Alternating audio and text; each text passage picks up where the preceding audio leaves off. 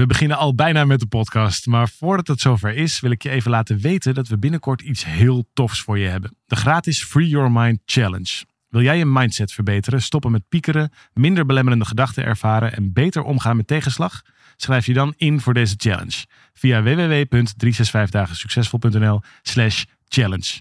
Het is van 26 mei tot en met 29 mei en ik heb er heel veel zin in. We beginnen nu met de podcast.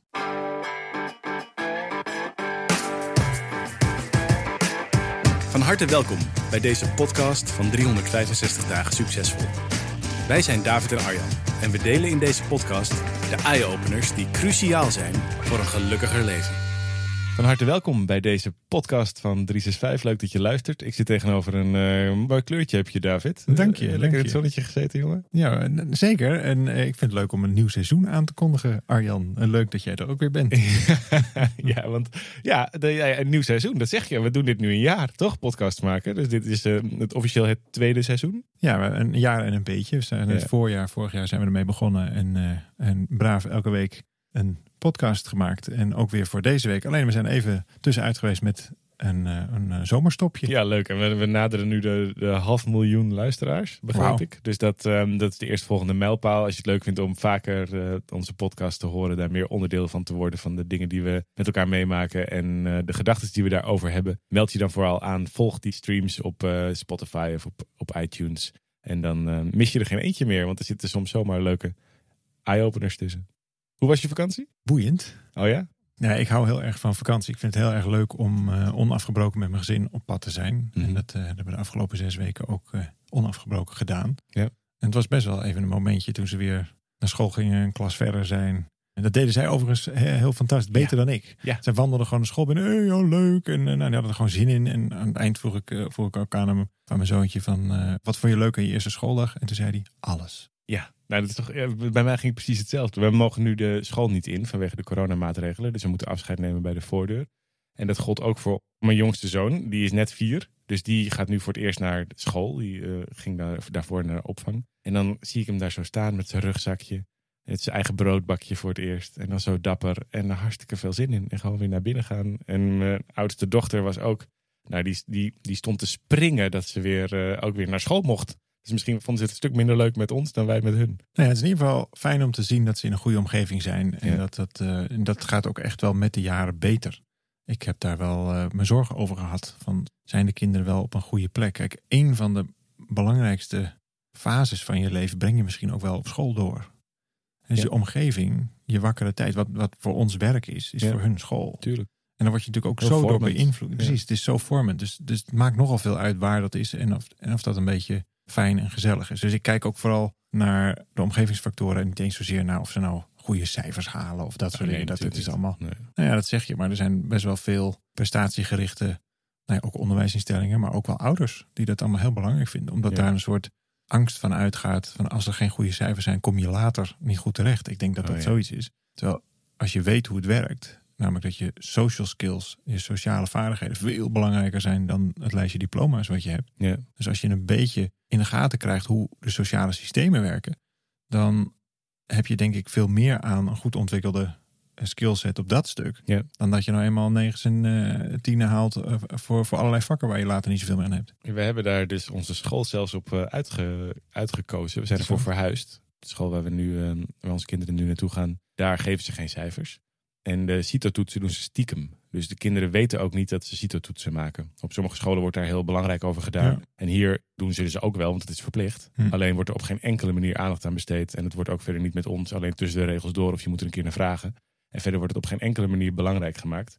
En die kinderen zitten ook met, juist omdat ze dat sociale aspect zo belangrijk maken, dat vind ik zelf heel cool, zitten ze met honderd kinderen bij elkaar in wat ze een unit noemen. Dus het is niet een afgesloten klas, maar een unit met verschillende leeftijden. Dus van 4 tot 8 of van 8 tot eh 12. En dat beweegt allemaal zo door elkaar heen. En uiteindelijk hebben ze binnen die unit allemaal wel hun eigen vaste aanspreekpunten. Hun eigen coaches of leraren. Maar je ziet dat die groepjes, in plaats van dat ze met 30 leeftijdsgenootjes moeten eh, bonden, kunnen ze nu ook vriendschappen sluiten met kinderen die één of twee jaar ouder zijn of één of twee jaar jonger zijn. En die ook uit een veel grotere groep te kiezen hebben. Dus het is een veel meer aquarel zie ik ook ontstaan van hoe die kinderen zich ook binden met elkaar. En dat, ja, dat, ik, ik geloof heel erg in zo'n systeem, omdat het volgens mij de dingen belangrijker maakt dan uh, dat, strakke meten. En, uh... er, is toch ook uh, onderzoek naar gedaan naar hoeveel mensen je in je dicht bij je sociale kaart aan kunt. En daar schijnt ongeveer een soort magische grens op 120 te zitten. Dus tussen de 100 en 120 mensen, daar, daar, daar ken je ook de verhalen van. Je kunt ongeveer duizend mensen geloof ik hun naam uh, onthouden. Nou, je moet ook even de factchecker overheen, maar zoiets dergelijks. En dan, uh, maar je Facebook vrienden zijn ook eigenlijk helemaal geen vrienden. Tenminste, als dat alleen maar de mensen zijn die je digitaal ontmoet. Maar neuraal gezien heb je ongeveer ruimte tussen de 100 en de 120 mensen. Dat is eigenlijk ook wel logisch als je kijkt naar hoe we als soort zijn geëvolueerd. We zijn natuurlijk de meeste van de tijd zijn we een tribal gerichte groep geweest. We hadden elkaar nodig en moesten ook vooral samen gaan. Dus het, het, groepsbelang was ook veel groter dan het individuele belang. En het is wel aardig dat zij dan nu ook op dat getal, misschien is het ook helemaal geen toeval, ik weet het helemaal niet, maar dat ze ook op dat getal 100 uitkomen. Omdat je in een getal van 100 heb je ook een soort zelfnormaliserend stuk zitten. Je hebt geen als, als de groepen veel groter worden, bijvoorbeeld groepen worden uh, duizend of meer, dorpen, steden enzovoort, dan zijn er ook ineens regels nodig, omdat je elkaar niet kent en dus niet per definitie vertrouwt. En dan krijg je hele andere structuren. Dan krijg je ineens uh, politie en uh, regels van wie heeft de voorrang met het oversteken enzovoort. Maar met honderd man schijnt dat niet nodig te zijn. Dan organiseert het zichzelf. En dan is het ook erg als je buiten de groep wordt geplaatst. Dus ja, je, zult ook niet een, een hele boze leider krijgen. Het, het, het organiseert min of meer zichzelf. Als de groepen weer te klein worden, dan heb je weer te weinig keuze. Als de groepen te groot worden, dan ga je ze weer te weinig kennen. Dus 100 is echt wel een mooi aantal. Ik ben heel benieuwd of dat aan, aan, aan invloed zal winnen, dat soort onderwijssystemen. Ik ben in ieder geval heel enthousiast over. En ik zie ook hoe, met hoeveel plezier mijn kinderen er naartoe gaan. Het is wel leuk wat, wat jij nu zegt over die oorspronkelijke stammen. Als een groep te groot wordt, dan is het denk ik ook moeilijker om daar je eigen identiteit uit te halen. Ja, ik probeer even de goede woorden te vinden. Want ik, wat ik heel erg geloof is dat er niet zoiets bestaat als het zelf of als het ik. Het is heel erg, veel mensen zijn natuurlijk altijd op zoek naar wat hun eigen ik, ik de ik is of de, de diepste essentie. En ik geloof dat die heel erg contextafhankelijk is, heel erg uh, gecreëerd wordt door welk stuk er toevallig wordt aangesproken in de, in de context waar je op dat moment bent. Ja, en daarmee zeg je eigenlijk dat de omgeving waar ik net mee begon eigenlijk nog belangrijker is, omdat je dat, dat hele wie ben ik nou eigenlijk ja, daar kom je eigenlijk helemaal niet achter, behalve als je het in context plaatst. Dus in een omgeving zet. En daarmee bepaalt dus die omgeving een hele hoge mate wie jij dan denkt te zijn. Ja, dus je bent, je bent echt werkelijk meer je omgeving dan een ik in die omgeving. Mhm. Ook al we hebben de neiging om dat wel zo te voelen en dat heel erg aan onszelf te, te bewijzen dat we wel echt een eigen identiteit zijn en onafhankelijk zijn en zelf denken. Maar er is inmiddels zoveel onderzoek gedaan naar dat precies dezelfde mensen in voorgeschreven andere situaties hele voorspelbare keuzes maken. Omdat het de situatie is, of de mensen eromheen, die eigenlijk al bepalen wat die keuze is. In plaats van de specifieke karaktertrekken van die persoon. Mhm. En, dus, en dat vind ik interessant als je dan naar zo'n systeem kijkt van zo'n school. Ik realiseer me nu tijdens dit gesprek ook dat die kinderen misschien helemaal niet per se zo'n zin hadden om weer te gaan rekenen of om weer uh, les te krijgen. Maar vooral om zichzelf weer te verhouden tot die tribe waar ze duidelijk onderdeel van zijn. Ja. En dus eigenlijk om weer meer zichzelf te worden of zo. Dat is misschien een. Nou, je wil je in hoge mate ergens thuis voelen. Ja. En ik hoor dat mensen ook in onze programma's zeggen dat ze thuis komen in hun eigen leven. En dat Ja. heb ik best wel lang gek gevonden, want ik voel me best wel thuis in mijn eigen leven. Ja. En voor veel mensen blijkt dat niet zo te zijn. Nee. Dus hun omgeving, bijvoorbeeld hun werk of voor sommigen ook hun relatie of zelfs hun eigen gezin, dat het helemaal niet zo voelt als thuis. Helemaal niet iets is als een jas die eigenlijk goed past. Iets waar je je op moet aanpassen of iets waar je je staande moet houden. Ja. Nou, als je nou het idee hebt dat je zelf eerst iets hebt te zijn, dat je iets moet zijn voordat je überhaupt geaccepteerd wordt, voordat je überhaupt eh, een beetje lekker in die groep ligt, ben je eigenlijk al bij jezelf weg. Ja. En daarmee zul je dus ook niet thuis voelen, want dan moet je namelijk aanpassen om je ergens staande te houden. Nou, hoe beter nou zo'n omgeving bij je past, echt als een jas die, die past. Ik ervaar het bijvoorbeeld ook hier. Als Ja. ik hier zo, zo bij 365 rondloop en, en na zo'n lange vakantie weer hier binnenstap. Ja, dat is ook echt een jas die heel goed past. Dat is Ja. ontzettend fijn. En ja, ik gun, gun mijn kinderen dat ook zo. Dat het is ook prima als ze een keer het ervaren dat het niet zo is overigens. hoor. Volgens mij moeten we ook niet een soort curling ouders willen zijn die alles maar glad stijken. Maar dit is zo belangrijk, zo cruciaal. Als je leert dat de verhouding onderling belangrijker is dan je, je rekenkunde. Ja. Dan heb je denk ik een hele belangrijke les geleerd. Ja, wat ik, eh, en volgens mij heeft het dus veel grotere side effects dan dat we nu zo kunnen. Ik bedoel, ik, je, je hoort aan me dat ik nogal enthousiast ben over dit systeem. Dus het kan dat ik het allemaal wat te rooskleurig maak. Maar uit onderzoek, ook door die school zelf, ze besteden daar veel aandacht aan. Ook aan het wetenschappelijke discours daarachter. Omdat ze er graag een wat meer leidende methode van willen maken in Nederland. En het blijkt bijvoorbeeld dat er eh, een stuk minder aanwijzingen zijn voor pestgedrag dan op andere eh, scholen. Dus er wordt natuurlijk veel onderzocht. En pesten is vaak heel erg onder de oppervlakte. Dus het is heel moeilijk om te ontdekken waar dat plaatsvindt en hoe dat er precies uitziet. Kan heel lang onzichtbaar blijven. Toch zijn er wel manieren om te ontdekken op, op hoeverre, in hoeverre kinderen zich veilig voelen en ehm, op hun hoede zijn. En het blijkt ook daar een enorm verschil in te maken. Dat juist omdat er veel minder aandacht is voor competitie bijvoorbeeld. Ik ken ook scholen waar het tegenovergestelde gebeurt en waar de CITO-scores worden voorgelezen voor de klas. Nou, ik kan me bijna niks destructiefs. Het gebeurde bij mij op school ook. Ik weet het nog goed. Dat het op volgorde van goed naar slecht werd het voorgelezen. Ja, dat, maar, Ja. Of dat er scholen zijn waarbij de beste gymtalenten dan als eerste mogen, naar voren mogen komen en dat die hun eigen teampjes mogen kiezen. Zodat het altijd dezelfde mensen zijn die aan Dat, het is, eind dat gebeurt denk ik niet meer. Dat gebeurde bij mij in de klas ook eh, vroeger. Nou, maar dan heb ik het wel over 30 jaar geleden. Maar dat gebeurt denk ik toch niet meer. Dat gebeurt toch niet meer. Ja, ja, ik heb vrienden die zeggen dat het bij hun kinderen nog op die manier gaat. waar. Ja. Wauw. En, dat, en ik denk, ja, het is 2020. En, daar, en dat doet volgens mij zoveel met de manier waarop je naar jezelf kijkt, maar ook waarop je naar de wereld kijkt. Want dan is dus alles competitie. En ben je opeens de hele tijd jezelf staande aan het houden, de hele tijd jezelf aan het bewijzen. En ik zag mijn kinderen naar school gaan. En mijn zoontje van vier, ja, die draagt graag rokjes. Want dat is nou eenmaal wat hij doet. Dat vindt hij fijn in het roze. Dus dan komt hij met zijn dinosaurus en zijn rok. En dan gaat hij naar school en dat vindt hij fantastisch. En er is ook niemand die daar dan iets van zegt. Er wordt geen grapje over gemaakt. Er wordt geen opmerking over gemaakt. Het wordt, het wordt gewoon, ja, dat is hoe hij dat doet. En ja, ik denk dat dat uiteindelijk voor kinderen een veel gezondere manier is om in op te groeien. Dus jij laat je zoon met een dinosaurus in zijn hand en een roze rokje op zijn eerste schooldag naar school gaan. In een, in een 100 man grote groep. Geweldig. Omdat ik weet dat het veilig is. Anders zouden we het misschien heel anders nou doen. ja, maar dan ga je hem dus ook beschermen tegen iets wie hij wil zijn. En hij zal het ook on- ontdekken als dat... Ja, zijn smaken zullen natuurlijk ook gewoon gaan wijzigen in de, in de loop der jaren. Of niet, maakt ook verder niet uit. Maar ik, ik, ik luister hier wel met bewondering naar. denk ik, jeetje, dat, daar is wel ook moed voor nodig. Het is in ieder geval anders dan... Ik kan me zo voorstellen als je hier naar zit te luisteren... dat je wenkbrauwen inmiddels op je, boven op je hoofd zitten. Ja, het is grappig, ja, want inmiddels is het voor mij natuurlijk zo vanzelfsprekend dat ik eh, eigenlijk eerder het omgekeerde heb. Dat ik denk, hoe kan het nou dat er nog scholen zijn waar dat zo, eh, waar kinderen zo moeten vechten om hun eigen plek te vinden, of waar je zo hard moet, waar constant alles in competitie wordt gegoten, zichtbare cijfers op de muren. En, en, nou, het- er zijn zoveel varianten van. eh, het zijn allemaal vormen van gevecht in een klaslokaal brengen. Dat brengt me op, op iets heel anders. Ik had eh, afgelopen zomer ben ik een, een tijdje bij de, mijn favoriete bezigheid, de Zweethut, geweest. Yep. En toen heb ik daar twee weken groepjes ontvangen. En er was op een gegeven moment een groepje jongens, vier jongens. En die hadden ook, denk ik, veel met elkaar. Ze, ze werkten aan hetzelfde project of bij, bij hetzelfde bedrijf, dat weet ik eigenlijk even niet meer. Ja. En ongelooflijk leuke, frisse, jonge gasten. En jongens, ik denk aan jongens van 14, 15. Oh nee, pardon. Eh, ja, jong, ik ben al een beetje oude man. Uh, ik ben over gewoon 40. twintigers of zo. 20. Ja, ik, ik gok dat ze zo, zo eind, eind 20 waren. Ja, oké. En die, eh, die komen daar. En die slaan elkaar nog wat op de schouder. En die hadden ook, eh, de een had al eh, verschillende Ironmans gelopen. En de ander die was dat helemaal in ijsbaden. Oh ja, fanatiekelingen waren En het. Ja, heel fanatiek. De randen En- van het leven Ja, opzoeken. inderdaad. En die hadden Ja, dit cool. ook wel graag een Op een mee- lijstje. Ja, op een lijstje. Die wilden dit meemaken. Die wilden weten wat dat was. En, en nou, het toeval wilde dat wij daar zo met een groepje mannen in die kleine hut terechtkwamen. Ja. Of het met z'n zessen waren. En het wordt op een gegeven moment stil. En die eerste ronde die is zo voorbij. En ik hoorde wat gesnotter. Ik denk, wat krijgen we nou? En het bleef helemaal Corona? Corona? Ja. en het, het, het blijft zo stil. En de deur die gaat open. En ik zie dat die, die ja, sportieve, ambitieuze... Of, je zei het net mooi Fanatieke? fanatieke gozer, dat hij op de grond lag te huilen.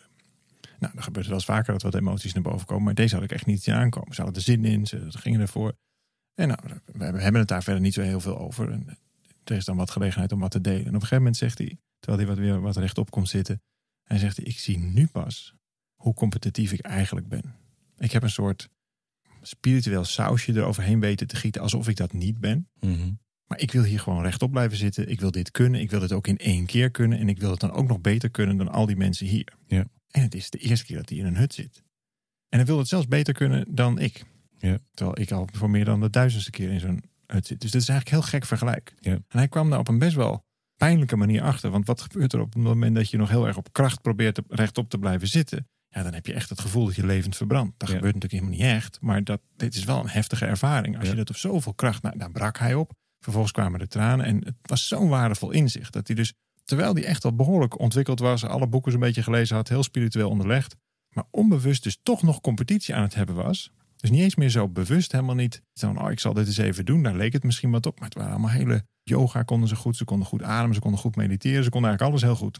Behalve dat ze dus de hele tijd met elkaar aan het vergelijken waren. Je ziet, vaak, volgens mij, toch- je ziet volgens mij vaak helemaal bij mensen die ook die zich, dat is natuurlijk een beetje generaliserend, maar ook bij veel mensen die zichzelf wat spiritueler noemen, die dan wel woorden gebruiken als ja, maar ik ben verder dan jij of jij bent daar nog niet, wat, wat uitgaat van een onderling vergelijk. Daar zit eigenlijk de, de veronderstelling achter dat je allemaal dezelfde lijn loopt, waar je allemaal op een andere punt op diezelfde lijn bent. En dat is dus competitie. Dat is Ja, dus er vergelijking. Een soort superioriteit eh, Ja. zit daarin. Ja, en, dat is, en, dat, dat, en ik geloof dat dat eh, Het was niet heel spiritueel. Dat niet. En ik geloof dat dat door het schoolsysteem voor een belangrijk deel wordt beïnvloed. Maar ik geloof ook dat dat überhaupt in onze, in onze hele maatschappij is natuurlijk. Of het nou gaat over de plek van sport, eh, over peilingen in de politiek, over kijkcijfers. Op de, alles wordt gegoten in winnaars en verliezers, in cijfers en wie doen het wel goed, wie doen het niet goed. Maar het is ook thuis. Ik merk ook wel eens dat als ik er niet oplet, dat ik dan tegen een van mijn kinderen, dat ik ook kan zeggen, nou, je, je broertje, doe eens wat meer zoals, zoals je broertje doet. Want die is, daar wat, die is wat zachter daarin, of wat liever, of die is wat juist wat eh, steviger of wat creatiever. En dat moet ik echt op mijn tong bijten om dat niet eruit te vloepen. Omdat het ook zo logisch is. Ik heb er vier natuurlijk thuis, dus ook al een soort klaslokaal. Om daar, om daar dan... Bijna honderd. Ja, het, het voelt af en toe wel. Ze kunnen de herrie maken alsof het er honderd zijn. Maar ook daarin dat mijn eerste reflex ook soms vergelijking is. En, en, en daarmee plant je dus ook al die constante competitie. Waarbij mensen, en het gevolg van competitie volgens mij is dat je in je eigen ogen alleen maar faalt. Dat is uiteindelijk de, als het nou, Nou ja, nog- het hele idee van competitie, daarom is het ook zo'n gek principe, is dat er een winnaar en een verliezer Ja. moet zijn. En dat is heel gek. ja, er kan er maar één de winnaar zijn. Dan kan er maar ja, Huisman, Huisman, ja, precies. Nee, maar dat is ook als je, als je kinderen ziet spelen, dan vinden op een gegeven moment de kinderen die wat minder onderlegd zijn in bijvoorbeeld voetbal of net wat ze aan het spelen zijn. Ik heb dat ooit eens een keer met een cricket gezien toen ik eh, in Sri Lanka met een, met een groep kinderen met een kinderthuis bezig was. En die hielden er dus mee op. Die gewoon, dan gooi je de bal weg en dan, dan ze hielden er gewoon mee op. Ja. En vervolgens zeiden die anderen, "Ja, dan maken we wel nieuwe teams, want dan is het eerlijker verdeeld en dan wordt het weer leuk. Ja. Dus het is helemaal niet eens leuk. Het is niet leuk om de hele tijd alleen maar te winnen, want dan gaat de lol er ook wel een beetje vanaf. Dan Ja. denk je, ja, nou ja, ben ik nou zo goed of is de rest nou zo dom? Ja. Maar het het is ook niet leuk om de hele tijd alleen maar te verliezen. Dus er zit een veel belangrijker spelcomponent in, namelijk in het spel blijven. Het spel zelf. Exact, het is wel leuk. We hebben natuurlijk eh, twee jaar geleden of zo dat voor onze organisatie ook zo besloten. Dat we daar heel erg achter kwamen bij onszelf. Van wat, wat is nou onze drijfveer? Waarom zijn we hier nou mee bezig? Willen we per se. We werden natuurlijk in korte tijd opeens heel groot in Nederland. En ehm, eh, heel veel mensen vonden daar wat van. Eh, we kregen heel veel enthousiaste klanten. En we gingen bij onszelf ook op een soort zelfonderzoek. Van worden we nou daar echt door gedreven? En lange tijd dacht ik van wel. Ik dacht dat dat ook echt belangrijk was. Tot ik erachter kwam toen we eenmaal daar in de Ziggo Dome stonden. Nou ja, ik weet dat jij dat ook zei. Van nou, het is veel fijner om te weten dat we dit nog een tijdje mogen doen. In plaats van dat het nou per se nog weer groter moet. Of al die dingen. Nou, vooral omdat we toen ook echt letterlijk aan de lijve ondervonden dat het een soort rat race is. Een soort wedstrijd die je niet eens kunt winnen. Het is een wedstrijd met een soort imaginair beeld Ja. van... Ja, oké, nu hebben we dan dit. En dan moet het dan volgende keer nog groter. En dan moeten we misschien naar een stadion. En dan moet je wel dit. Of er moet er televisie bij. Of weet ik. Je, je, je komt elke keer, zeg maar, als je een beetje in de buurt komt van je lat, heb je hem alweer hoger gelegd. Ja. Nou, en dan ben je eigenlijk in een soort intern conflict verwikkeld geraakt. Dat je vindt dat je iets moet zijn. Dan ga ik weer met waar ik eerder mee begon. Ja. Dat je vindt dat je iets moet zijn om maar in die groep geaccepteerd te Ja, worden. je bent de hele tijd de CITO-scores aan jezelf aan het voorlezen. Eigenlijk wel. Eigenlijk zit dat. En ik denk wel dat dat een, een, een, een, nou ja, een bijeffect is. Het zal heus nooit zo bedacht zijn, maar een soort bijeffect is van hoe we de samenleving hebben ingericht. Het is inderdaad heel veel meten eh, en op basis van populariteit Ja. eh, keuzes maken. Het, het gaat ook tegenwoordig niet meer over wie is de goede eh, politicus, maar wie is het meest populair. En dan ga je dus ook populairdere uitspraken moeten doen. Want ja, anders word je namelijk niet die populaire. En voor je het weet zit je in een heel gek, gek systeem. En nou ja, goed, dat is een heel andere eh gevoel van een heel andere podcast. Maar ik denk wel dat we goed in het oog moeten houden. Dat is misschien positiever gezegd dan zeg maar zomaar iedereen eh, over één kam te scheren. Maar dat we goed in het oog moeten houden. Dat waar het werkelijk ook maar weer over gaat. En dat is de, volgens mij de verbinding. Dat is de omgeving waar we met elkaar in, in leven. En dat is eh, misschien nog wel moeilijker dan ooit in deze tijd. En Ja. fijn om te horen dat ze dat met honderd kinderen die kriskras door elkaar lopen. Dat, uh, dat ik vind het heel knap. Ik ben heel benieuwd hoe dat, hoe dat zich verder zal ontwikkelen. We gaan dat met buitengewone interesse uh, volgen. niet alleen um, vanuit persoonlijke interesse, maar ook natuurlijk vanuit onze stichting, vanuit de Verwonderwijs. Want het onderwijs, zoals het klassiek is vormgegeven, is, is denk ik echt aan een 2.0 versie toe. Nou ja, helemaal als je zegt, de echte vraag zou moeten zijn: hoe blijven we met elkaar in de wedstrijd? Hoe blijven we met elkaar in het spel? in het spel, beter dan ja, Hoe blijven we met elkaar in het spel? Want dat is namelijk een vraag die ook gaat over onze planeet. En over hoe we als mensen met elkaar omgaan. De antwoorden vind je volgens mij alleen maar in die hoek. Alleen maar in de hoek, hoe blijven we met elkaar in het spel? En niet in de hoek, hoe zorgen we dat er iemand wint? En als we die verandering kunnen maken, dan hebben we denk ik een uh, stap gezet met elkaar. Ja, mooi. Dank voor deze week weer. Dat was hem. Uh, wij, zitten er volgende, wij zitten er volgende week gewoon weer. Ja, leuk als je terugpraat. Laat vooral ook weten wat je ervan vindt op onze social media, Facebook, Instagram. Uh, je kunt ons ook mailen, uiteraard op allerlei andere plekken bereiken. En we vinden het te gek om van je te horen wat je hebt aan deze podcast, waar je graag een volgend onderwerp over zou willen hebben. Deel het als je er enthousiast over bent. Vertel het aan anderen en meld je aan voor een van die lijsten waar je het kunt uh, volgen, abonneren en lid worden. En dan krijg je ze vanzelf voorbij. Wij kletsen lekker door en volgende week zitten we er gewoon weer voor je. Tot volgende week.